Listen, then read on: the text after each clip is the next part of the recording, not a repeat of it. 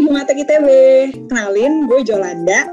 Hari ini gue ditemani oleh dua pembicara-pembicara yang gokil banget. Ada Wulan dan ada Salsa. Hai guys. Halo semua. Halo Wulan, halo Salsa. Kalian kesibukannya lagi pada apa nih sekarang? Mungkin dari Wulan? Um, aku lagi nyusun penelitian semester 2 deadline minggu depan Ah, I see. Mulai penelitian ya sekarang. Kalau Salsa gimana? Kamu lagi sibuk apa nih sekarang? Aku lagi sibuk ini sih kak praktikum menyesuaikan karena baru ngerasain capeknya tugas-tugasnya tuh semester ini kan. Jadi gitu sibuknya di praktikum aja. I see, I see. Oke, okay, nggak apa-apa. Di tengah kesibukan ini kita masih mau sharing-sharing sama Tuan dan sama Salsa hari ini. Dan karena kebetulan banget hari ini kita kan udah masuk ya bulan Maret, udah seminggu. Jadi kita pengen bahas-bahas soal hari raya yang ada di bulan Maret. Nah, sebelumnya nih guys, sebenarnya gue tuh nemu banyak banget loh hari-hari raya di bulan Maret kalau kalian tahu, banyak tuh yang temanya tentang karya seni. Jadi ada hari musik, hari dongeng, puisi, sama film. Tapi selain itu, bulan Maret juga identik dengan sebuah perayaan yang udah ada sejak satu abad silam yaitu Hari Perempuan Internasional atau International Women's Day. Nah, gue kebetulan banget tahun lalu sempat gabung di Women's March Bandung dan di sana gue sempat dapat insights juga nih tentang sejarah Women's Day. Well, kita sambil belajar sejarah dulu kali ya. Jadi, dulu tuh di awal abad ke-19 ada 15.000 perempuan yang melakukan demo di New York, Amerika Serikat untuk menyuarakan hak-hak mereka tentang peningkatan upah dan pengurangan jam kerja. Nah, di era Perang Dunia ke-1 atau di sekitar tahun 1913, itu gerakan perempuan di Rusia mulai nih menggelar aksi damai untuk menentang Perang Dunia I.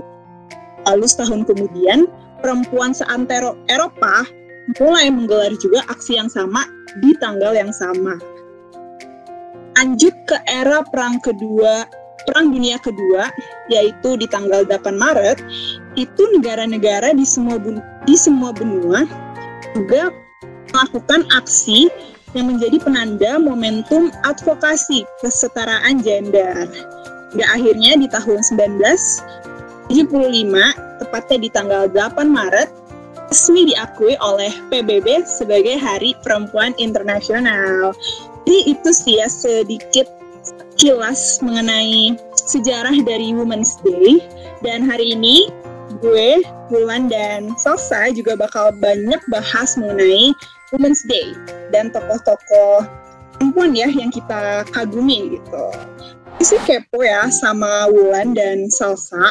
Kalian tuh ada gak sih tokoh perempuan lokal sama internasional yang kalian idolain banget? dari Salsa dulu deh. Kalau menurut aku ya kak, tokoh perempuan di Indonesia sendiri tuh banyak banget yang bisa jadiin kayak inspiratif, kayak role model gitu. Karena di bidang masing-masing pun uh, wanita tuh pasti ada yang menonjol gitu. Misalnya kayak di olahraga gitu. Kita kenal Liliana Natsir. Terus di bidang pertelevisian kita juga kenal uh, Mbak Nana Menjul Sihab itu udah keren banget itu kan kak jadi presenternya tapi yang lebih deket ke bidang kita mungkin aku role modelnya itu Ibu Nurhayati Subakat kak. Jadi yang jadi CEO PT Paragon itu. Karena menurut aku Ibu Nurhayati Subakat ini jadi sosok yang berhasil bisa jadi ibu rumah tangga yang baik dan juga wanita karir yang baik juga kak. Gitu. Ah, I see. Sama gue juga jujur ngefans banget sama beliau. Dan kalau gue ya, nih bicarain soal um, preferensi gue gitu ya. Kalau gue juga jujur ngefans banget sama perempuan lokal itu Maudy Ayunda karena gue sendiri sangat mengidolakan bagaimana dia tuh sangat impact oriented banget ya khususnya di education.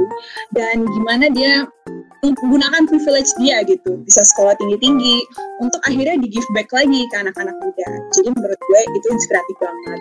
Tapi kalau dari lu misal ada gak sih kalau tokoh internasional yang lu ngefans banget? Perempuan ya kalau yang internasional uh, aku nggak terlalu yang bener-bener ngikutin sejarah perkembangan hidupnya gitu ke sih kak. Cuman aku suka ngelihat uh, Michelle Obama itu kalau ngasih speech itu bagus jadi aku suka dengerin beliau speech Oh my god, sama banget. Sumpah gue juga ngefans banget sama Ibu Michelle Obama. Gue kebetulan juga suka dengerin nih podcastnya beliau sama nonton film dokumentasinya.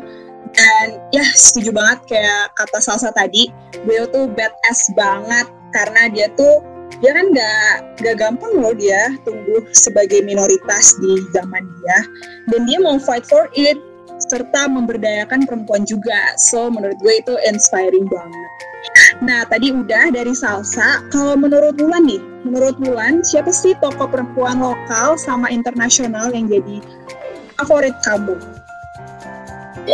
Oke, okay, jadi sebenarnya aku punya beberapa orang ya kak, tokoh favorit. Uh, tapi ini ada dua orang dari lokal dan internasional yang kayak yang kalau misalnya aku belajar aku ingat mereka gitu. Aku uh, coba kontekskan ini ke pelajaran gitu ke mata kuliah. Kenapa? Karena ketika aku melihat dua perempuan ini aku mikir kayak wah gila mereka udah bisa hebat gitu. Wah aku juga bisa lah ya kayak mereka. Itu uh, inspir apa yang aku dapat dari mereka. Yang pertama itu dari toko lokal sendiri uh, Upratiwi Puji Lestari Sudarmono. Dan dia itu astronot perempuan pertama di Indonesia gitu kan. Meskipun dia nggak jadi berangkat dia itu uh, ilmuwan yang apa namanya sempat ikut pelatihan ya. Jadi waktu itu pesawat luar angkasanya ada masalah gitu dan dia nggak jadi uh, tapi dia tetap dinobatin sebagai astronot perempuan pertama di Indonesia. Gila kan mentalnya gimana tuh? Udah jadi astronot perempuan pertama buat keren banget. Uh, dan yang kedua itu dari internasional. Ini pasti uh, teman-teman juga apa ya sangat kenal. Mary Curie atau Maria Sklodowska nah kenapa aku suka dia karena dia itu pinter banget di dunia sains gitu kan dapat dua kali Nobel Prize dari di mana dia perempuan satu-satunya yang dapat Nobel Prize dua kali uh, tentang ketemuannya di bidang fisika dan kimia gitu. Nah, ketika aku melihat mereka berdua kayak wah nothing impossible gitu aku untuk uh, belajar uh, di dunia teknologi kayak gitu kak.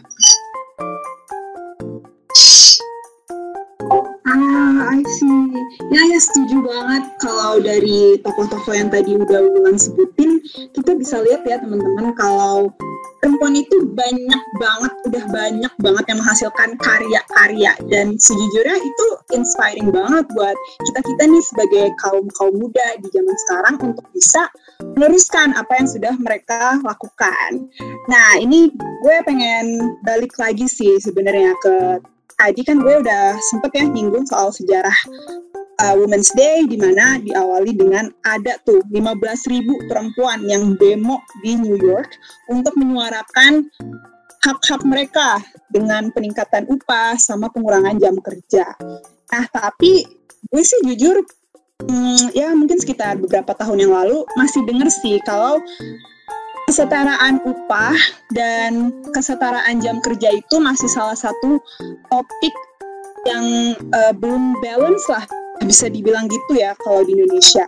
Tapi kalau dari Wulan dan dari Salsa, menurut kalian apakah hak perempuan yang sekarang di Indonesia itu masih ada ketimpangan? Mungkin boleh dari Wulan dulu ya. Oke, okay. uh, eh, aku dapat fakta menarik sebenarnya tentang eh, hak-hak perempuan ini ya.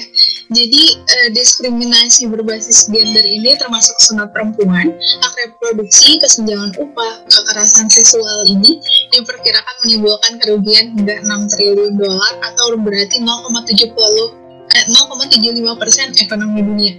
Nah, uh, gitu. Terus uh, sebenarnya banyak banget sih kak uh, hak-hak perempuan ya. Uh, ada aku sebenarnya ngeliat ini jadi dua hal gitu. Yang pertama ada di kebijakan politiknya itu sendiri, dan yang kedua ada di lingkungan kita, lingkungan sosial kita sendiri, dan itu tidak tertulis gitu ya. Um, ini aku sempat baca-baca sebenarnya uh, di tahun 2017 itu setidaknya ada 420 peraturan yang diskriminatif terhadap perempuan. Uh, di Indonesia juga termasuk di hal politik atau kekuasaan perempuan ini masih dibatasin gitu. Uh, jumlah caleg perempuan itu masih diberi batasan sekitar 30% dan uh, sebenarnya ini masih lebih baik ketimbang pemilu-pemilu terdahulu. Cuma yang perlu kita pikirkan adalah kenapa gitu mas harus dibatasi gitu kan? Uh, terus uh, apa ya? Selain itu gaji ya di Indonesia sendiri uh, perempuan dan laki-laki itu dibedakan gitu kan pernah dengar gak kalau misalnya perempuan itu dinilai dari kerja mereka tapi laki itu dinilai dari potensi mereka itu yang jadi pikiran aku dan uh, ini boleh nggak cerita tentang kekerasan perempuan dan toxic femininity di sini? Sure sure boleh banget loh. Oke, okay. jadi uh, ini aku dapat data lagi ya tentang uh, dari Komisi Nasional Perempuan tentang kekerasan terhadap perempuan uh, ada masih bahkan ribu kasus kekerasan terhadap perempuan di Indonesia di tahun 2019. Nah, angka ini tuh naik 6% dari tahun sebelumnya gitu ya. Nah, uh, selain itu di tingkat nasional dan daerah itu banyak banget peraturan. Yang tadi aku ceritain 400 sekitar 420 peraturan yang diskriminatif gitu terhadap perempuan.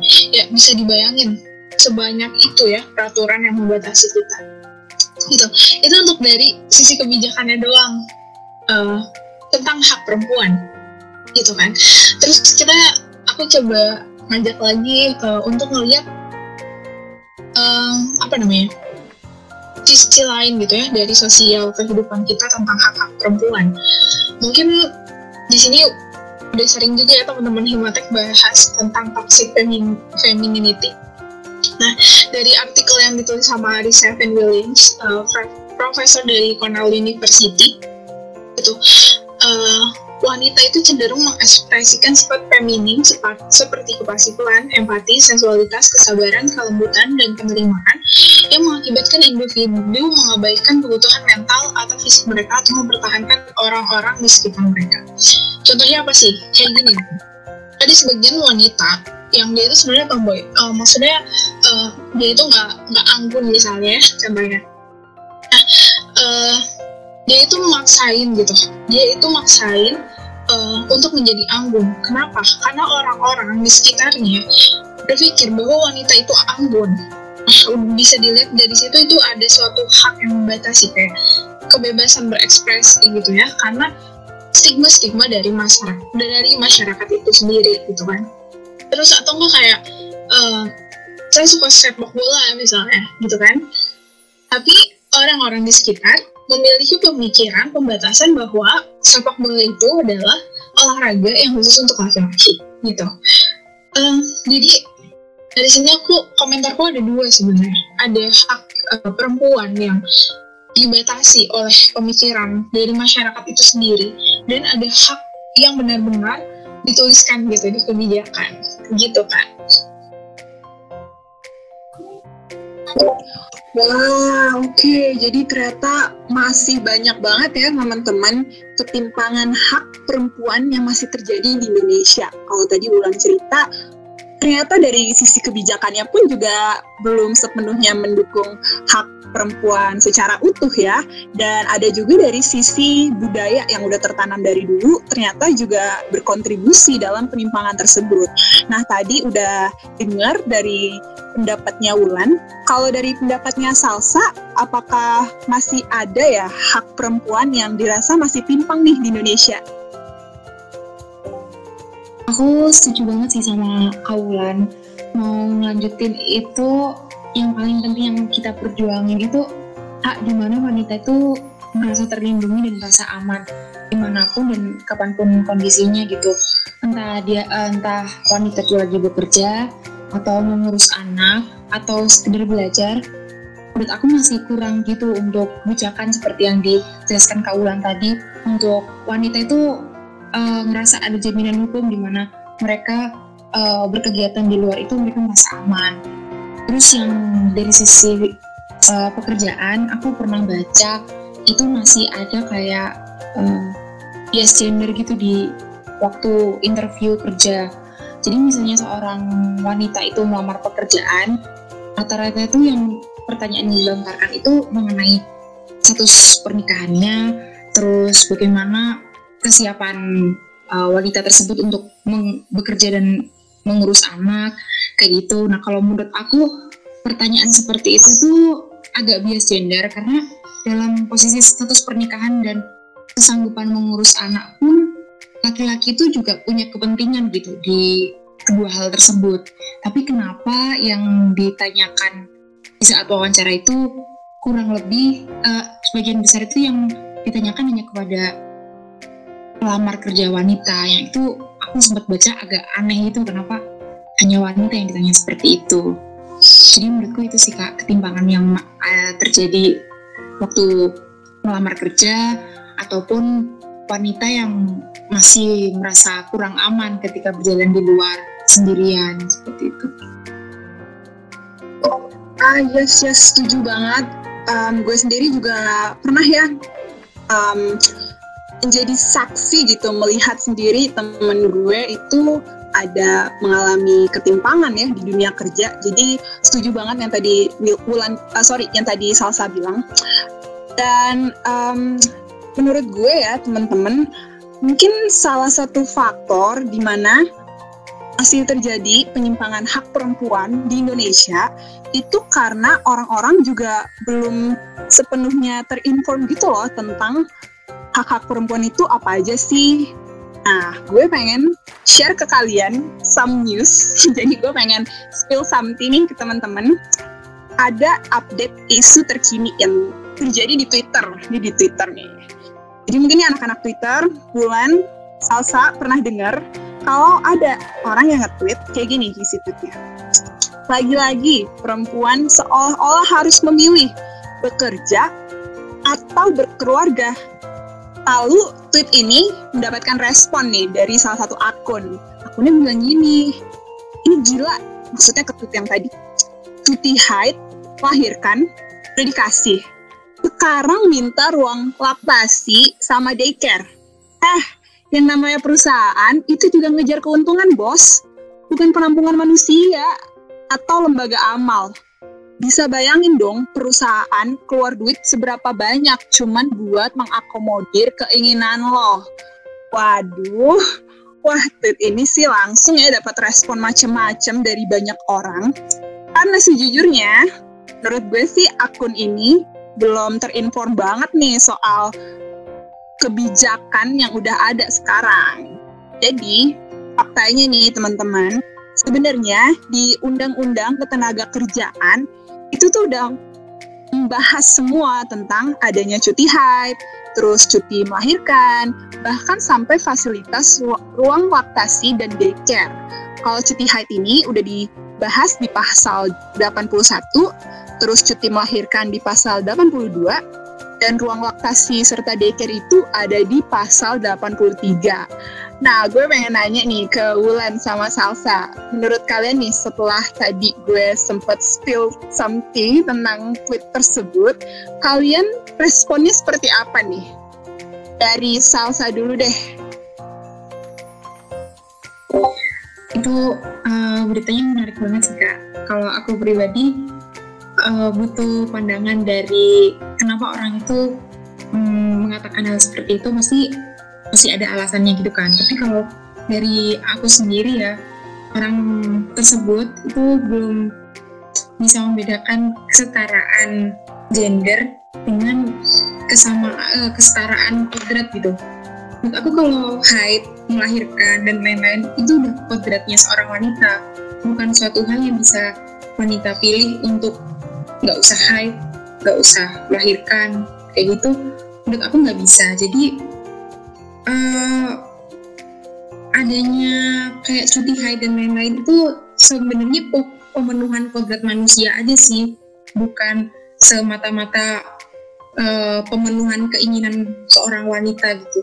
Kalau dari pandangan aku sebenarnya seperti itu kak. Oh my god, setuju banget. Yes, betul. Kesetaraan kodrat dan kesetaraan gender ya mungkin um, itu jadi sesuatu yang belum terlalu ketemu banget ya benang merahnya. Makanya sampai sekarang pun juga masih banyak banget penimpangan-penimpangan hak untuk perempuan khususnya yang emang sebenarnya berkaitan dengan kodrat mereka gitu. Udah udah sebaiknya kita sebagai manusia yang mendapatkan hak tersebut gitu. Nah kalau dari Wulan menurut pandangan Wulan gimana nih? Pertama aku pengen ketawa dulu sih sama cuitan Twitter ya. Um, karena aku lihat di sini uh, oke okay, kita kita coba pandang ini tadi selain dari sisi hukum yang udah kayak jalannya um, coba sih tahu faktanya ya. Uh, coba kita lihat ya analisisnya ya dia itu bilang perusahaan keluar duit berapa cuma buat mengakomodir keinginan lo. Nah di sini kita lihat kita bisa lihat argumen dia sebenarnya kurang data gitu ya. Tadi aku udah bilang uh, sebelumnya diskriminasi berbasis gender ini mengakibatkan kerugian hingga 6 triliun dolar atau berarti 0,75 persen ekonomi dunia gitu kan berarti di sini ada data yang salah jadi uh, gini sih ketika aku ngeliat gitu ya tweet ini uh, aku se sebenarnya sangat miris gitu ya dengan ternyata oh stigma-stigma masyarakat tuh masih seperti itu dan ketika komentar masih ada data yang belum dia bawa gitu ya dia jadi asal aja gitu ngomong uh, faktanya udah jelas tadi ada di undang-undang dan untuk uh, tentang keuangan lah ya udah ada datanya juga. Ya jadi ya jangan takutlah kita semua yang kayak gini uh, tentang hak hak perempuan eh, tentang orang-orang yang ngomong hak hak perempuan kayak gini kayak gitu. Oh man it's now gitu ya. No banget. Gitu kak. Yes, yes, setuju banget lo. Sumpah jangan takut guys untuk menyuarakan pendapat khususnya untuk untuk um, peningkatan kesetaraan bagi perempuan. Karena ini tuh sesuatu, yang harus diperjuangkan, bener gak sih Wulan, Salsa? Dan menurut gue sendiri penting banget untuk kita sebagai mahasiswa, sebagai masyarakat Indonesia buat peduli terhadap perjuangan hak hak perempuan tersebut. Kalau menurut Talsa, seberapa penting sih sebenarnya kita sebagai mahasiswa, sebagai masyarakat, buat peduli juga terhadap perjuangan hak hak perempuan? Uh, kalau menurut uh, pandangan aku, jadi seorang mahasiswa itu artinya kita dikasih kesempatan lebih dari uh, orang lain buat nyari ilmu yang setinggi-tingginya, ketemu orang sebanyak-banyaknya, buka wawasan seluas-luasnya gitu. Jadi karena itu mahasiswa itu di dalam masyarakat sendiri disimbolin sebagai uh, seseorang yang punya pemikiran yang lebih maju gitu. Dengan simbol yang seperti itu dan seperti yang Kaulan tadi bilang, uh, kesetaraan gender ini tuh bisa mengarah menuju pola pikir Indonesia yang lebih maju gitu kan. Nah untuk menuju Indonesia lebih maju itu pasti dibutuhin orang-orang yang berpikiran yang lebih maju pula. Jadi kalau mahasiswanya sendiri yang dianggap masyarakat itu sebagai orang yang lebih maju ini nggak sadar, nggak aware dan nggak turut memperjuangkan hak kesetaraan gender ini, terus mau kapan kita Indonesia ini bergerak maju? Setuju banget, yes mau kapan Indonesia maju kalau misalnya bukan kita ya sebagai generasi-generasi muda yang ikut memperjuangkan hak hak perempuan. Nah, last banget kalau menurut Wulan, seberapa penting sih kita Bu sebagai mahasiswa dan masyarakat Indonesia untuk peduli terhadap perjuangan hak hak perempuan? seberapa penting sangat penting aku setuju banget yang tadi dibilang uh, salsa ya tentang stigma stigma dan pemikiran mahasiswa yang harus uh, apa ya harus bisa melihat lebih luas dari berbagai sisi gitu ya dan yang pengen aku sampaikan ini sih ada faktanya perempuan itu bisa dikuatin oleh perempuan sendiri gitu. Karena yang mengerti keadaan perempuan itu uh, perempuan juga.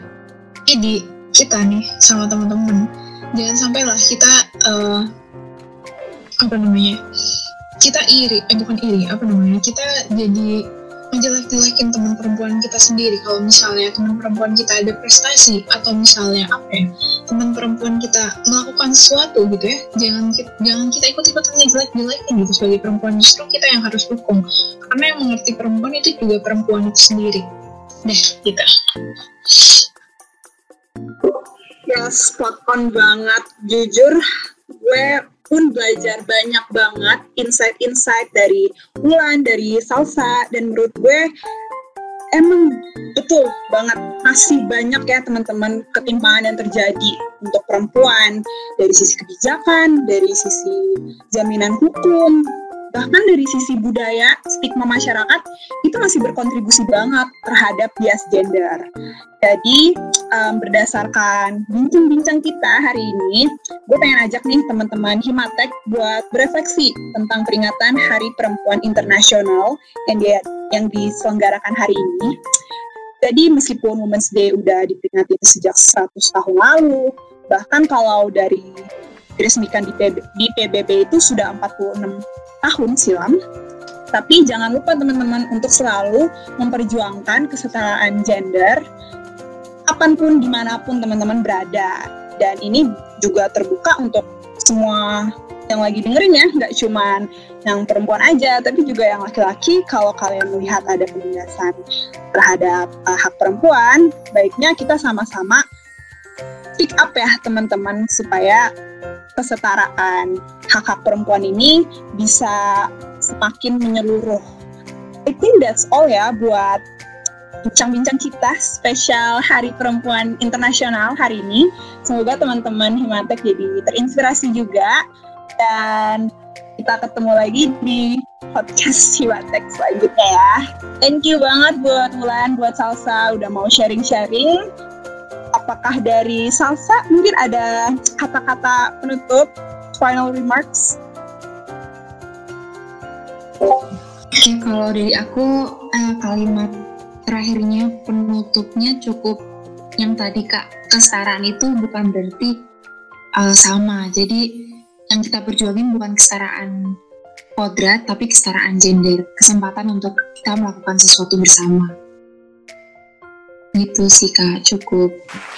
Yes, thank you banget Salsa. Dan dari Mulan, adakah final remarks? Jadi aku singkat aja, eh, coba kita perbaiki stigma kita sendiri dan berusaha untuk info lah orang-orang. Udah kita aja. Alright, thank you so much Bulan, Salsa, dan teman-teman yang udah dengar. Gue Jolanda pamit undur diri dulu ya. Thank you semua, dadah.